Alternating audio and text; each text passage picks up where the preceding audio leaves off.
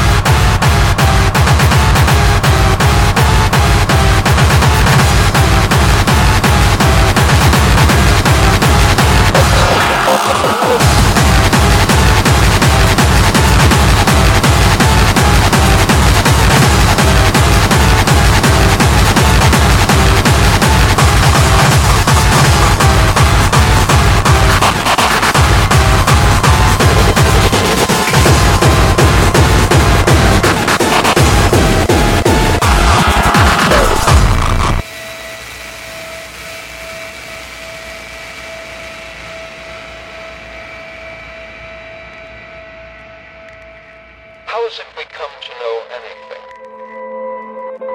And on what basis do we undertake the search for answers to questions?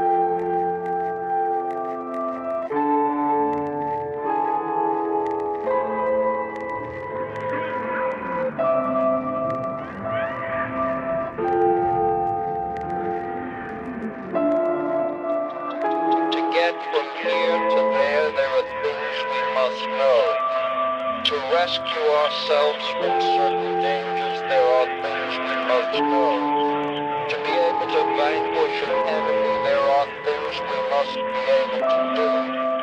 Problems we must be able to solve. Creatures must know things in order to survive.